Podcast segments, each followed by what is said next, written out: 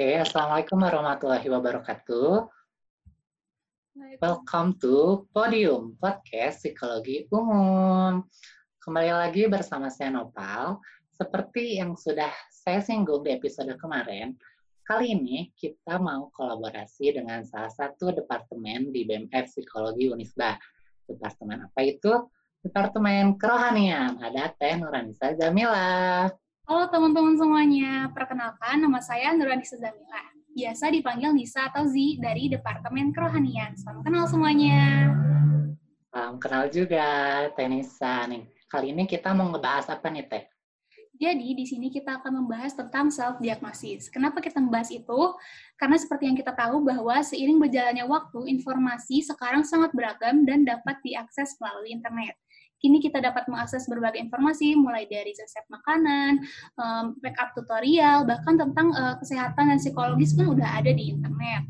Nah, seiring berjalannya waktu dan teknologi semakin canggih, sering kali sebagian orang melakukan self-diagnosis karena mulai dari seperti melakukan cross check mandiri kriteria-kriteria yang dia rasakan. Kayak duh aku mulai uh, aku ngerasanya tertekan banget nih atau melihat suatu tayangan.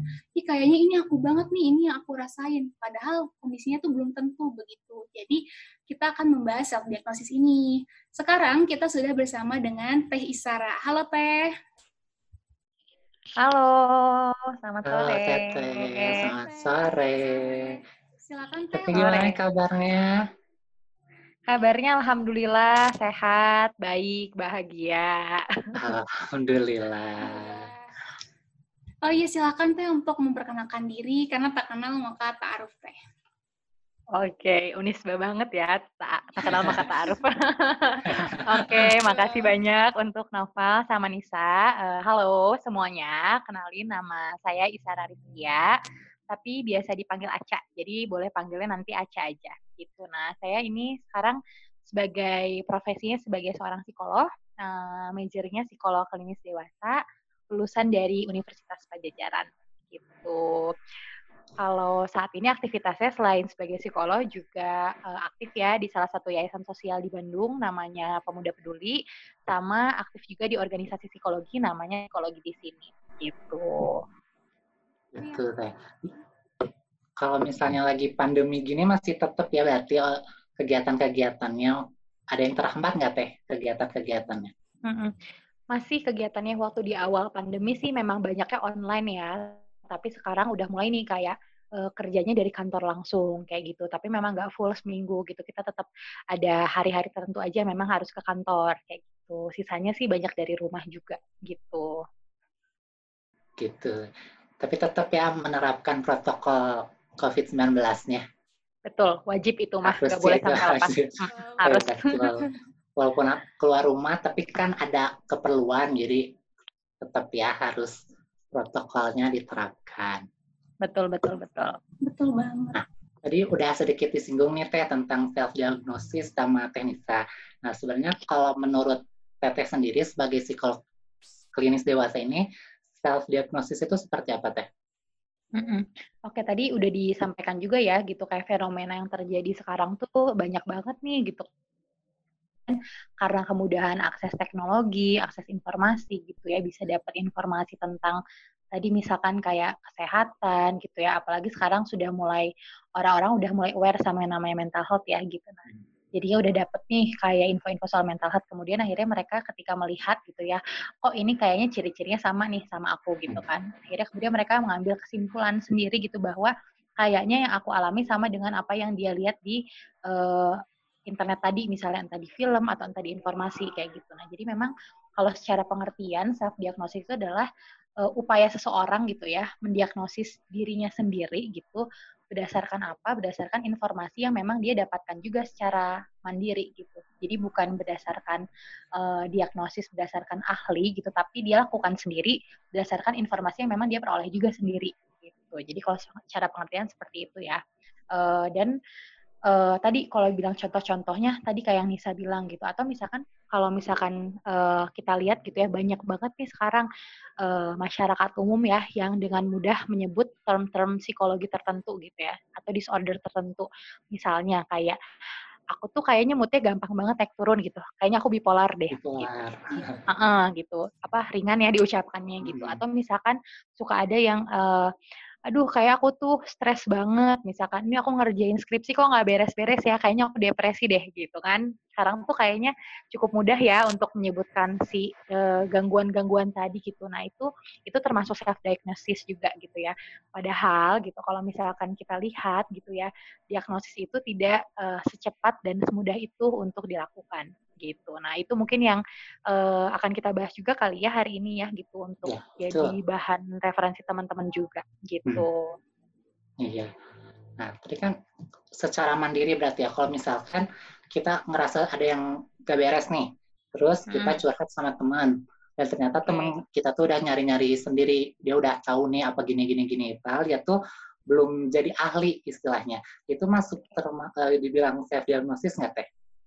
Oke, nah sebenarnya kalau self diagnosis itu diagnosisnya dilakukan oleh diri sendiri kepada diri sendiri kayak gitu. Nah, hmm. tapi tadi uh, kalau misalkan kayak teman kita, misalkan kita yang jadi kayak ngejudge teman kita gitu ya, itu jadinya misdiagnosis sebenarnya gitu kan, mendiagnosis orang lain dengan tadi juga tidak ada uh, dasar yang kuatnya dan bukan sebagai ahli ya, bukan sebagai expert. Hmm.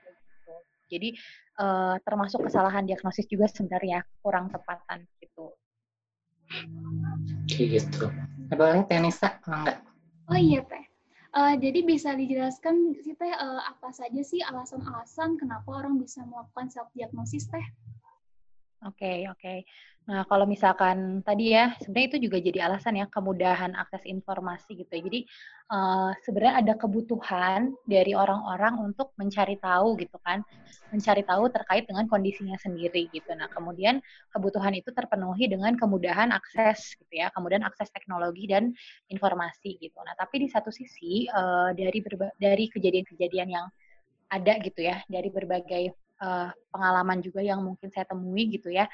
Ada orang-orang yang kemudian melakukan self diagnosis karena untuk pergi ke profesional atau ke ahlinya justru itu jadi bikin dia takut gitu. Justru hmm. dia jadi takut didiagnosis secara real gitu ya, hmm. secara benar oleh oleh ahlinya kayak gitu. Terus yang kedua juga uh, masih ada uh, kekhawatiran akan stigma negatif dari orang. Kalau dia pergi ke psikolog atau ke psikiater, aduh nanti disangkanya orang gila iya. misalnya gitu ya kalau bahasa kasarnya gitu ya sekarang orang gila kayak gitu.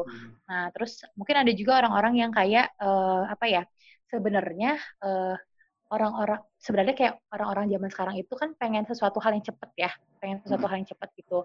Sama dengan halnya ketika mereka mengalami suatu hal yang gak enak gitu mereka kan pengen cepet membaik atau pengen cepet terobati gitu ya. Nah dengan mencari informasi uh, di internet misalnya gitu ya dan mereka nemu gitu ya dan akhirnya mereka melakukan self diagnosis itu sebenarnya itu untuk memenuhi tadi gitu ya untuk memenuhi kebutuhan mereka untuk terpenuhi si rasa ingin tahunya terpenuhi juga rasa mereka uh, apa ya uh, kepuasan mungkinnya kepuasan dari kayak oke okay, aku tahu aku kenapa nih gitu aku kenapanya itu gitu nah itu yang mungkin jadinya karena pengen cepat uh, tahu pengen cepat hmm. apa ya uh, pengen cepat bisa bisa melabel gitu ya aku kenapa. Nah dari situlah akhirnya muncul si self diagnosis ini juga kayak gitu. Kurang lebihnya ya gitu.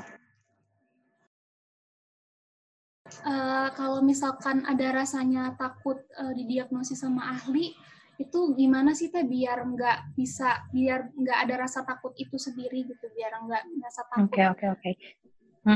nah sebenarnya yang perlu Sebenarnya kan rasa takut takut itu juga muncul dari mungkin kurangnya pemahaman ya, kurangnya pemahaman yang komprehensif gitu bahwa sebenarnya ketika misalkan pergi ke ahli, itu misalkan psikolog atau misalkan psikiater gitu ya, uh, dan mendapatkan diagnosis gitu kan. Nah sebenarnya uh, yang perlu kita soroti adalah ketika pergi ke ahli itu kita mendapatkan uh, bantuan gitu ya untuk memahami lebih dalam, lebih lanjut terkait dengan uh, kondisi kita gitu kan. Nah, sebenarnya itu akan mempermudah kita juga untuk kemudian menentukan langkah apa nih yang harus dilakukan selanjutnya gitu kan. Dengan kita tahu kita sakit apa, uh, ada masalah apa sebenarnya dalam diri kita, jadi kita harus menanganinya kayak gimana gitu kan. Jadi mungkin orang tuh uh, takut diagnosis itu adalah tadi ya lebih takut mungkin dia nggak siap dengan misalkan kalau dia dapat kondisi terburuk misalnya itu Terus uh, mungkin dia juga takut jadinya tadi misalkan dapat stigma negatif juga dari orang, oh dia kayak gangguan ini, dia gangguan itu gitu. Nah padahal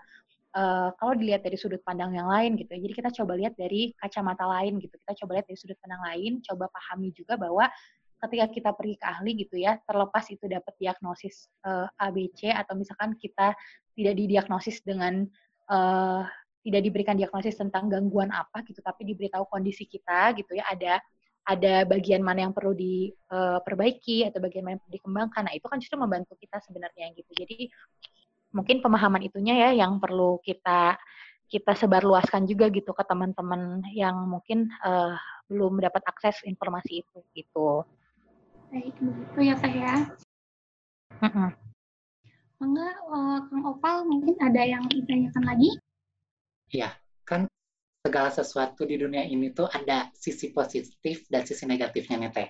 Nah, kalau betul, untuk self diagnosis sendiri ini apakah ada sisi positifnya Teh?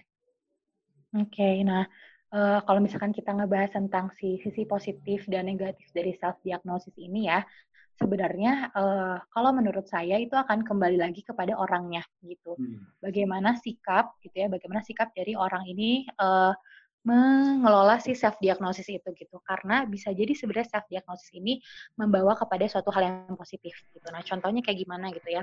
Contohnya adalah nah kan sebenarnya kan ketika self diagnosis ini kan sebelum orang melakukan self diagnosis ini kan dia mencari informasi ya.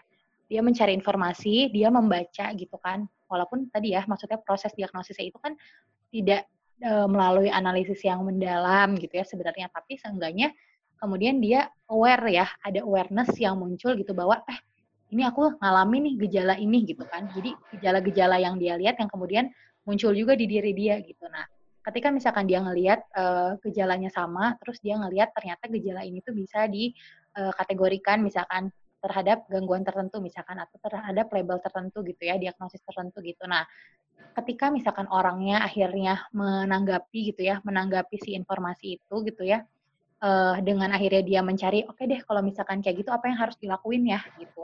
Apa yang harus diimprove ya? Kayak gitu. Nah uh, atau misalkan itu ngebantu dia juga jadi bikin dia lebih paham tentang diri dia oh iya bener nih aku tuh kayak gini gitu ya. Terus dia cari tahu lagi misalkan kenapa ya bisa kayak gini? Misalkan kenapa ya uh, kok bisa ya? Misalkan aku oh sebenarnya aku cenderung emosinya misalkan kurang stabil gitu kan. Hmm. kemudian dia cari tahu kenapa ya orang tuh bisa tumbuh bisa berkembang jadi yang uh, punya emosinya kurang stabil dia cari tahu. Terus misalkan dia refleksikan dengan diri dia gitu. Kemudian dia lihat apa nih yang harus dilakuin untuk bisa uh, uh, mengelola si emosinya supaya lebih stabil dan dia terapkan gitu. Nah ketika itu terjadi justru itu jadi hal positif gitu. Itu jadi hal positif. Kenapa? Karena ya tadi gitu akhirnya itu ngebantu dia untuk self understanding dan self developing gitu. Gitu. Nah tapi uh, tapi aku pun uh, tapi belum apa ya tapi saya pun belum dapat data gitu sebanyak apa ada orang yang melakukan itu gitu. Jadi uh, kalau yang dilihat fenomena sekarang memang banyaknya mungkin yang arahnya uh, negatif mungkin gitu belum tuh ke arah positif gitu. Walaupun mungkin ada ya beberapa orang yang akhirnya dia uh, berkembang ke arah situ tadi si sikap uh, terhadap self diagnosisnya kayak gitu. Mbak Vanessa, jadi tadi kan udah menjelaskan sisi positifnya nih Teh. Nah, sekarang sisi negatifnya. Sisi negatif apa atau bahaya apa dalam jangka panjang dari self diagnosis itu sendiri Teh? Oke. Okay. Nah, sebenarnya uh, kalau jawaban awalnya sama kayak yang tadi ya. Balik lagi ke sikapnya ya, sikap menanggapinya gitu. Nah, ketika tadi tuh prosesnya ketika dia melakukan uh, pencarian informasi, terus dia coba refleksiin nama diri dia atau dia cek gitu ya, cek mana nih yang aku uh, ada gejala kayak gini atau enggak gitu ya. Dan ketika misalkan dia melakukan self diagnosis, oh kayaknya aku termasuk orang yang misalkan depresi deh gitu ya, karena ada gejala-gejala yang muncul. Nah, yang jadi negatif itu adalah ketika dia sudah melakukan diagnosis kepada diri dia sendiri, kemudian dia uh, mencari bantuan gitu. Hmm. Gak mencari bantuan, tapi misalkan jadinya akhirnya kayak, ah udahlah aku kayaknya memang gak bisa nih aku emang kayaknya udah deh aku nggak akan bisa nih katanya orang depresi tuh uh, dia akan kehilangan semangat gitu ya dia akan semangat untuk menjalani aktivitas sehari-hari. Jadi kayaknya aku nggak akan bisa beraktivitas lagi. Atau misalkan kayak ya orang depresi tuh uh, apa namanya terputus dari lingkungan sosial udahlah aku aku memang nggak akan bisa aku udah nggak nggak lagi deh komunikasi sama orang kayak gitu. Nah itu yang kemudian jadi negatif adalah tadi ya ketika misalkan dia menanggapi akhirnya ngebuat dia jadi ter apa ya mungkin ter ter terbawa. uh, tersugesti terbawa dengan si uh, tadi si diagnosisnya itu. Kalau orang kayak gini kayak gini kayak gini uh, yang memang itu negatif akhirnya itu ngebuat dia jadinya akhirnya dia me, apa namanya meyakini gitu ya. Meyakini bahwa diri dia kayak gitu tuh. Nah akhirnya itu yang bikin dia akhirnya jadi jatuh misalkan jadi terpuruk dan akhirnya dia nggak bisa bangkit kayak gitu. Itu um, salah satunya gitu ya dampak negatifnya gitu. Nah terus um, apalagi ya gitu dampak negatifnya nah bisa jadi juga nih dampak negatifnya adalah ketika misalkan uh, orang uh, dia mendiagnosis diri sendiri gitu. Nah, ketika orangnya juga tidak bersikap uh, asertif gitu ya, kemudian dia cerita misalkan sama orang lain, dia menyebarluaskan lagi informasi itu yang sudah jelas, misalkan informasinya mungkin belum tentu uh, ya belum tentu benar gitu. Karena itu kan bisa jadi apa ya, membawa kita kepada penyebaran informasi yang kurang tepat gitu. Atau misalkan kita mengaku-ngaku misalkan kayak ya aku kan kayak gini ke orang lain gitu. Karena itu bisa jadi ngebuat orang jadinya um, yang bisa jadi mentreatnya juga salah misalnya gitu ya. Dan lain halnya kayak gitu. Jadi um, itu gitu. Uh, positif negatifnya akan balik ke bagaimana sikap yang diambil setelah si self diagnosis itu uh, terjadi gitu tergantung dari sikap seseorang itu ya teh ya dalam konsep diagnosis balik lagi.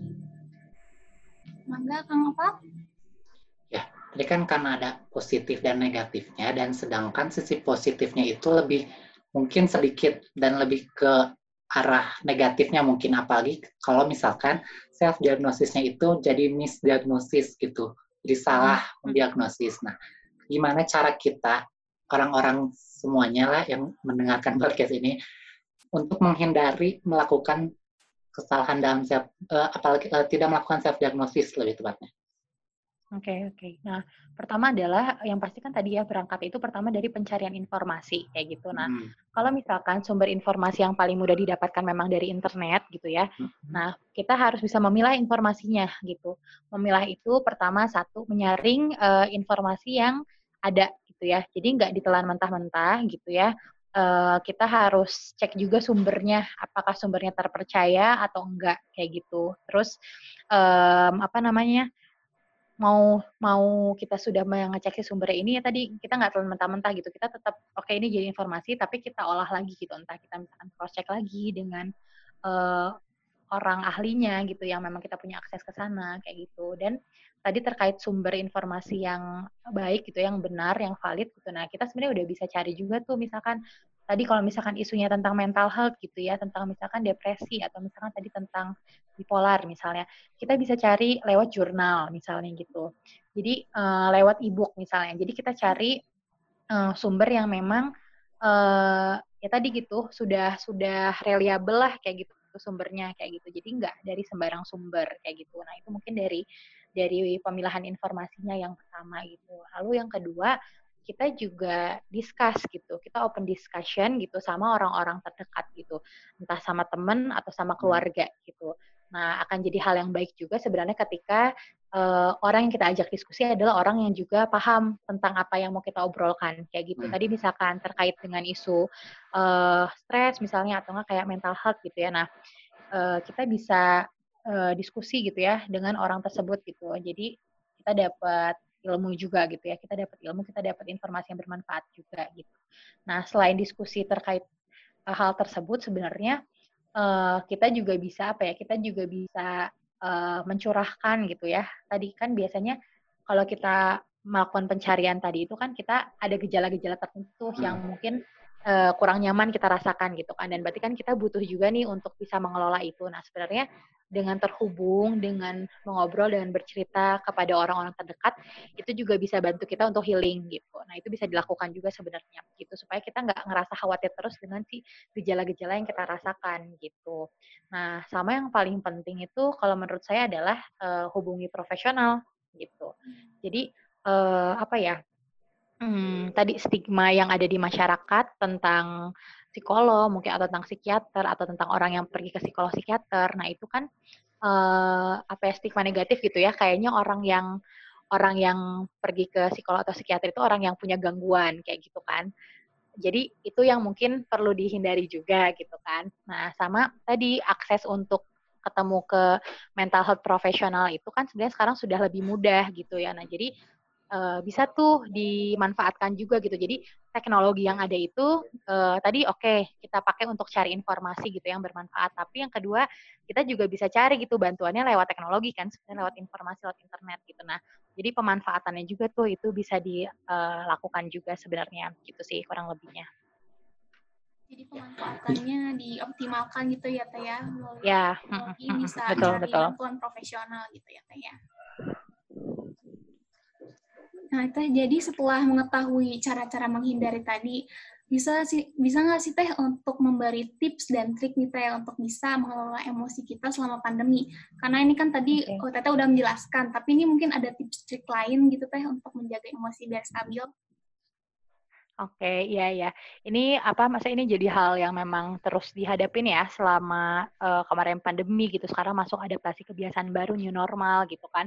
Nah, uh, pertama yang perlu dipahamin dulu mungkin ya sebelum kita apa nih yang bisa dilakukan gitu ya. Kita perlu pahamin dulu bahwa konsep konsep yang namanya uh, pikiran kita gitu ya, perasaan kita atau emosi kita dan perilaku kita itu berkaitan satu sama lain gitu ya. Berkaitan satu sama lain. Jadi ketika misalkan kita punya pikiran yang negatif, itu bisa mempengaruhi juga emosi negatif kita kayak gitu dan kemudian mempengaruhi juga kita akhirnya melakukan hal yang uh, cenderung negatif misalnya kayak gitu. Nah, jadi konsep itu dulu yang mungkin uh, kita sama-sama pahamin gitu. Nah, jadi yang kedua itu adalah uh, pertama uh, apa ya? As, uh, pikiran itu kan uh, tergantung juga dengan uh, hal apa yang misalkan kita lihat atau yang kita konsumsi sehari-hari gitu. Ibaratnya kayak kalau misalkan uh, diri kita gitu ya, otak kita dikasih asupan yang uh, positif gitu ya, maka kita akan uh, diisi juga dengan hal yang positif gitu. Nah, jadi saran pertama, tips pertama adalah uh, akseslah informasi yang uh, positif ya. Positif itu dalam artian bermanfaat untuk kita kayak gitu. Um, dan ketika misalkan kita merasakan emosi negatif, nggak masalah gitu. Bukan berarti kita nggak boleh kayak, duh kita ngerasain misalkan sedih, atau misalkan capek, jenuh, stres, atau enggak misalkan ya stres dengan situasi ini gitu ya, masih belum normal gitu situasinya gitu sekarang kan. It's okay gitu, bukan berarti itu harus dihapus, enggak gitu. Tapi oke okay, kita paham bahwa ini memang memang bagian dari apa yang kita rasakan gitu. Nah, tapi tadi gitu, gimana ya cara ngelolanya? Carilah misalkan sumber-sumber uh, informasi misalkan yang bisa ngebantu kita untuk uh, apa ya dapat penanganannya gitu ya dari si uh, hal yang kita khawatirkan misalnya gitu. Terus um, uh, yang kedua juga berkaitan sama tadi perilaku ya gitu. Jadi apa yang kita lakukan juga itu akan mempengaruhi juga gitu emosi apa yang kita rasakan gitu. Nah jadi kalau misalkan banyak yang bilang lakukanlah hal-hal yang memang uh, kita kita apa namanya kita nikmati gitu ya kita enjoy melakukannya gitu kita senang ngelakuinnya gitu ya. Nah itu juga bisa dilakukan kayak gitu. Dan tiap orang pasti beda-beda ya gitu aktivitas apa yang dia suka lakukannya gitu. Nah itu eh, silakan dikembalikan lagi ke teman-teman sendiri gitu. Jadi ketika melakukan aktivitas yang menyenangkan gitu nah itu juga yang akan ngebantu kita untuk eh, merasakan emosi yang positif juga kayak gitu. Jadi eh, dari dua hal itu sebenarnya udah udah bisa membantu sih kalau menurut saya. Oh bisa melakukan hal positif dan cari informasi yang bermanfaat yang bisa buat kita berkembang ya Teh ya. Iya, betul betul. Baik, setelah kita udah sharing-sharing ilmu, dapat kita tangkap bahwa self diagnosis itu adalah upaya seseorang yang dilakukan tapi melalui informasi yang dia dapatkan bukan dari ahlinya untuk mengetahui kondisi dirinya. Dan juga um, alasan-alasan orang melakukan itu karena adanya kemudahan akses, sekarang kan karena adanya internet jadi mempermudah dia. Dua juga yang kedua, takut untuk didiagnosis oleh para ahli. Kayak takut untuk, aduh aku takut merasa ini. Padahal mungkin itu bisa membantu dia untuk mengetahui apa yang harus dia lakukan. Dan ini tugas kita untuk menyebarkan bahwa tidak uh, semuanya untuk pergi ke para ahli itu dianggap um, jelek gitu. Kalau pergi psikolog itu dianggap memiliki gangguan. Bukan seperti itu. Dan sisi positifnya mungkin ini balik lagi ke sikapnya, sisi baik dari sisi positif dan negatifnya. Baik lagi ke sikap yang mengakses atau melakukan self diagnosis. Positifnya mungkin jadi mengetahui, jadi lebih aware terhadap kesehatan mentalnya, jadi menggali terus menerus mengenai kondisi dirinya, mengenai aku harus ngelakuin apa lagi nih gitu. Jadi membantu self understanding dan self development juga. Kalau sisi negatifnya mungkin balik lagi takutnya nanti um, misdiagnosis atau jadi mengecap dia, mensugestikan dia, ih udahlah aku kayaknya nggak bisa, padahal belum tentu seperti itu gitu. Dan cara menghindarinya mungkin tadi uh, cari um, cari informasi yang benar-benar bermanfaat dan juga memilah informasi, jadi mengolah lagi informasi dan mungkin bisa bertanya kepada para ahli yang jika kita memiliki akses atau mempergunakan uh, teknologi tadi ke um, mengakses pada para ahli. Sekarang kan udah ada aplikasi mungkin ya online untuk bisa berkonsultasi dengan para ahli. Dan tadi tips dan trik untuk menjaga emosi bisa juga tadi mengakses informasi yang positif dan melakukan hal-hal yang bisa membuat kita enjoy. gitu. Iya betul. Nah, sebelum kita tutup dan akhirnya nih Teh, uh, hmm. bisa memberikan pesan-pesan buat para pendengar untuk lebih memotivasi dirinya sendiri, gimana Teh? Oke, iya. Uh, mungkin apa ya? Uh, pertama, kalau tadi ya terkait dengan situasi saat ini gitu ya, pasti masih banyak gitu ya di antara kita yang lagi survive dengan kondisi saat ini gitu dan uh, it's okay gitu ya nggak apa-apa kalau misalkan kita ngerasa kesulitan kita ngerasa dalam keadaan yang nggak baik-baik aja kayak gitu nah tapi yang paling penting adalah ketika kita merasa uh, tadi ya sedang tidak baik-baik aja gitu ya. Nah uh, jangan lupa gitu bahwa masih ada banyak hal yang bisa kita lakukan gitu ya. Nggak harus kita sendiri yang apa namanya nggak harus kita sendiri yang menyelesaikan atau mengatasi si hal tersebut gitu ya. Tapi masih ada orang-orang yang uh, akan membantu gitu di sekitar kita. Entah orang terdekat kita gitu ya teman keluarga terus saudara gitu. Dan uh, apa namanya ya di sini juga ada psikolog gitu ya. Psikolog psikiater juga uh, siap untuk uh, membantu jika memang dibutuhkan kayak gitu. Jadi uh, apa pun yang terjadi gitu ya nggak semuanya harus dihandle sendirian kayak gitu. Uh, kita masih bisa mencari uh, bantuan yang terjangkau yang kira-kira bisa ngebantu kita untuk uh, bangkit ya dari situasinya. Gitu sih. Baik. Jadi uh, jangan pernah merasa sendirian ya teh ya karena ada yeah. yang membantu baik teh terima kasih banyak sudah meluangkan waktunya hari ini sama-sama terima kasih banyak juga ya iya teh dan udah berbagi ilmu sama kita dan juga kepada para pendengar eh, dan semoga ilmu yang kita dapatkan ini selalu bermanfaat dan berkah bagi teman-teman semua. Amin. Ya, kalau gitu kita tutup dan uh, untuk semua warga kemah dan uh, sahabat Netcom uh, tetap stay tune terus di Spotify dan YouTube channel kita biar nggak ketinggalan informasi-informasi uh, dan episode-episode menarik lainnya.